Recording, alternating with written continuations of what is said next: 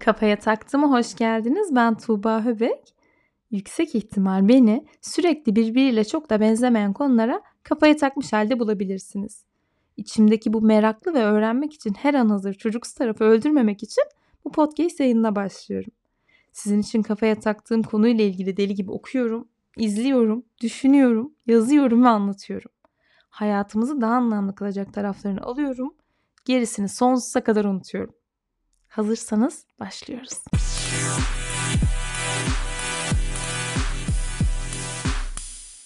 Yemek yapmayı seviyorum. E yemek yemeyi de seviyorum. Yemeklerin hikayelerimi bana düşündürdüklerini çok çok seviyorum. O yüzden bu podcast'te sizi soframa davet ediyorum. Yemekle ilgili tam 3 yıldır bir savaş içindeyim. Az yemek, sağlıklı yaşamak, bana verilen en kıymetli olan şeye bedenime saygı göstermek istiyorum. Artık 30 yaşında bedenime neyin iyi geldiğini, neyi sevmediğini bildiğim bir yaşta hala onu ısrarla iyi gelmeyen şeylere zorlamak ve günün her saati onunla tartışmaktan hoşlanmıyorum. Tam da bunları düşündüğüm zamanlardaki yurt dışı seyahati resmen bana ilaç gibi geldi. İnsanların Avrupa'da yemekle ilişkilerinin bu kadar resmi olması bana motivasyon verdi. İnsanlar gerçekten yemek yemekle bizim kadar derin bağlar kurmuyordu. Kelimenin tam anlamıyla yaşamak için yiyorlardı. Uzun zamandır başaramadığım bir hızla kilo verdim.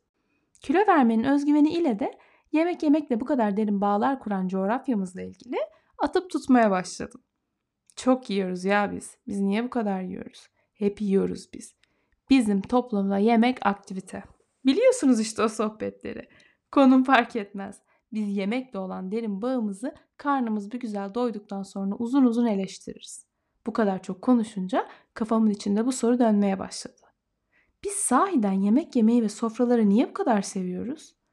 Yemekle böylesine derin bağlar kuran bir coğrafyada büyümek gerçekten lanet bir şey mi? Yoksa bu derin bağın içinde derin anlamlar mı var? Amerikan kültüründe sofranın tam ortasına tüm yemekler yerleştiriliyor ve herkes istediği yemekten dilediği kadar alıyor. Bu fikri çok seviyorum. Bizde yapılan ise yemeği tabaklara bölüp sofraya göndermek. Kimin ne yediğinden çok herkesin o yemeği tattığından emin olmak. Herkese o yemeği eşit dağıtmak. Bir tabak yemek vesilesiyle öğrendiğimiz adalet ve paylaşma duygusunu halı altına süpürmek kolay değil.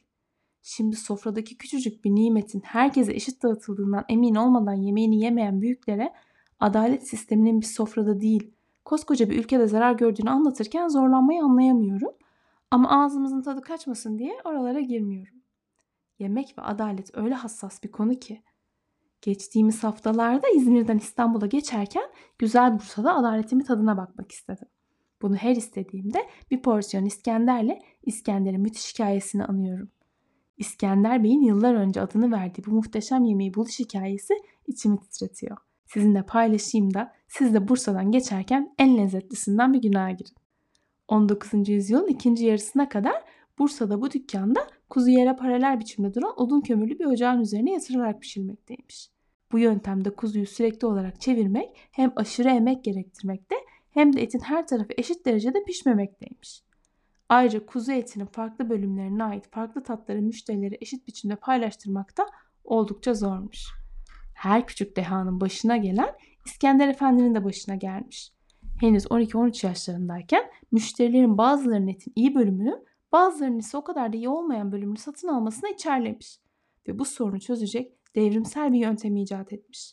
Amcası Sabit Dede'den aldığı destekle icadını hayata geçirmiş.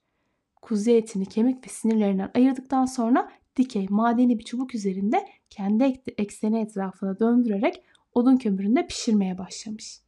Bu sayede eti çevirmek ve her tarafını eşit biçimde pişirmek kolaylaşmış. Kuzunun en lezzetli bölümleri kaynaşarak efsane bir lezzet dönüşmüş. Artık müşteriler de etin lezzetli yeri ya da kalan daha lezzetsiz yerini almak zorunda kalmayacakmış. Lezzet madeni bir çubukta eşit bir şekilde dağılmış. Bu lezzet Bursa'da o tarihlerde İskender Efendi'nin dönen kebabı olarak isim yapmış. Zamanla da halk dilindeki döner, döner kebap tanımlamalarının çıkış noktası olmuş. Sofra ve adalet birleşince ortaya şahane bir lezzet çıkmış anlayacağınız. Peki sofra ve adalet birleşince ortaya başka neler çıkar? Üniversiteye gittiğimde kelimenin tam anlamıyla yalnızdım. Tanıdığım kimse yoktu, ailem uzaktaydı. Üniversitedeki ilk yakın arkadaşım ve 4 yıl boyunca üniversitedeki ailem olan Gizemimle yurt odasında yemek yiyip sohbet etmeye bayılıyorduk. Öğrenci olduğumuz için her şeyi bir tane alıyorduk. O o kadar ailemde ve onu o kadar çok seviyordum ki aldığımız yemeği ikiye bölerken bir tık daha büyüğünü, bir tık daha güzel görüneni ona veriyordum. Elim kendimi almaya gitmiyordu. Sanırım odamızdaki ikinci yılımızda Gizem aldığımız pastayı böldü, çok bariz bir şekilde daha gösterişli kısmını benim bardağımın yanına koydu. Hiçbir şey yok gibi karşıma oturdu. O anı dün gibi hatırlıyorum.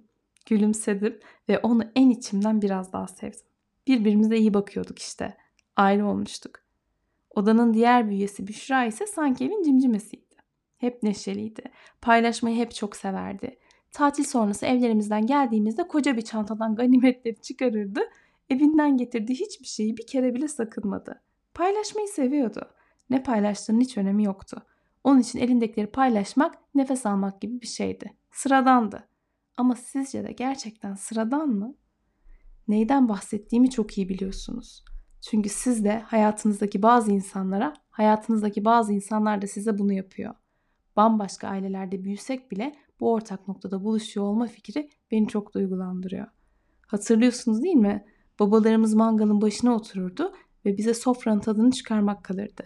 Misafir gelince bir tabağın görüntüsünü biraz daha bozulmuşsa annemiz onu kendine alırdı. Bahçeye oynamak için çıkmışsak elimizde bir parça yiyecek varsa ikiye bölerdik. Piknik yapıyorsak, bir şey götüremiyorsak utançtan domatese dönerdik. Biz o yurt odasına üç farklı şehirden, üç farklı aileden gelmiştik. Ama aynı kültüre doğmuştuk. Biz paylaşmayı, karşındakini kendin önüne koymayı yemekle öğrenmiştik. Şimdi birbirimize öğrendiğimizi yapıyorduk. Bir aile bir sofrayla altın değerindeki şeyleri fark etmeden öğretiyor. Bize öğrendiklerimizi fark etmesi kalıyor. Gündelik sıradan olaylarda böyle detayları yakalamaya bayılıyorum. Bu kültürün bir parçasının yemek olmasını belki de bu yüzden bu aralar çok seviyorum. Memleketimde büyümedim. Beyti kebabına adını veren Beytügüler'in ailesi de memleketinde büyümemişti. Osmanlı zamanı göç ettikleri yerden Cumhuriyet sonrası geri getirildiler. Hiçbir şeyleri yoktu. Memleketlerine dönmüşlerdi ama yabancılardı. Sıfırdan başlamışlardı. Beytügüler'in babası ilk olarak bir fırını devraldı. Fırın yeterince kazandırmayınca karşısına bir bakkal dükkanı açtı. Sıfırdan başlayan bu ailenin geldiği yer sıfırdan başlayan bir ülkeydi aynı zamanda. Hiçbir şey kolay değildi. Başarısız fırın girişimi, başarısız bir bakkal girişimi. Bazen hikaye böyle biter. Ama bazen de yaşadığınız kültüre, sahip olduğunuz aileye daha fazlasını vermek istersiniz. Bir işi sevmezseniz seveceğinizi ararsınız. Tutkunuzu bulduğunuzda işler yoluna girmeye başlar. Lokanta 5 masadan 25 masaya çıktı. 25 masadan 100 masaya, 100 masadan 450 masaya. Lokanta öylesine ünlü oldu ki dönemin Cumhurbaşkanı lokantada yemek yemek için sıraya giriyordu. Dünya liderleri, Türk ve Hollywood ünlüleri Beyti lokantasına beyti kebabı yemeye geliyordu. Sıfırdan başlamış bir ülkeye gelen, sıfırdan başlamış bir ailenin fazla bilinmeyen hikayesinin fazla bilinen ismi beyti kebabı. Bu hikayeyi dinlemek bana memleketimi hatırlattı. Senede bir kere memleketimize gidiyorduk. Sofralarda akrabalarımı tanıyordum. Henüz çok küçükken dedemlerde ev yapımı yoğurttan ayranımı içerken içinde kaymak var diye içmeye devam edemedim. Benim gibi 90'lı yıllarda kreşlerde büyüdüyseniz bardakta sütünüzü ya da ayranınızı yarım bırakamazsınız. Çocuk kafamla kara kara düşünmeye başladım. Kuzenim Uğur'la Merve ayranda kaymak var deyip ayranları içmedi ve sofradan kalktılar. Ben de rahat bir oh çekip sofradan kalktım. Ertesi gün mutfakta babaannem yemek yaparken dedem de ayran hazırlıyordu. Sonra da beraber ayranı süzmeye başladılar. Ne kadar etkilendiğimi şu an bile çok net hatırlıyorum. Dedemin ya da babaannemin yüzlerini ekşitmeden o ayranı sırf üç küçük şımarık torunu içmedi diye süzmesinden daha güzel bir seni seviyorum var mı? Evimde buzdolabının tam üzerinde bir çocukluk resmim var. Önümde kocaman çikolatalı bir pasta. Suratımda mahcup bir gülüş ama gözlerim ışıl ışıl. İlk defa Şubat tatilinde Malatya'ya gitmiştik. Tüm gün teyzemlerle oturuyordum. O gün mutfaktan çıkmadılar. Biraz hayal kırıklığı yaşamadım desem yalan olur ama akşamüstü ellerinde kocaman bir pastayla oturma odasına girdiler. Doğum günümü biraz önden kutlamak için. Eğer memleketteyseniz her şey biraz kocaman oluyor. Elleriyle yaptıkları, tüm gün uğraştıkları kocaman çikolatalı bir pasta. Daha lezzetli bir seni seviyorum var mı? O an için yoktu. Şu an için de yok. Ben de böyle anı çok. Ama niyetim size de bir şeyleri hatırlatacak kadar anı anlatıyor olmak. Şimdi aklınıza gelmediyse bu hafta ufak ufak aklınıza düşecek. Bundan eminim. Bir sofra insana çok şey anlatıyor. Öğretiyor ve hatırlatıyor. Hayata böyle bakmak kolay olmadı ama hayata böyle bakmayı öğrendiğimden beri mutluluk için çok fazla şey aradığımızı düşünüyorum. O kadar çok arıyoruz ki elimizdekileri fark edemiyoruz. Eğer bunları yaşayacak kadar şanslı da olmadıysak bunları yaşatacak şahane fırsatlarımızın olduğunu anlayamıyoruz. Bu pazartesi diyete gireceğim kadar kesin olan bir başka şey de sofraların gerçek bir öğretmen olması.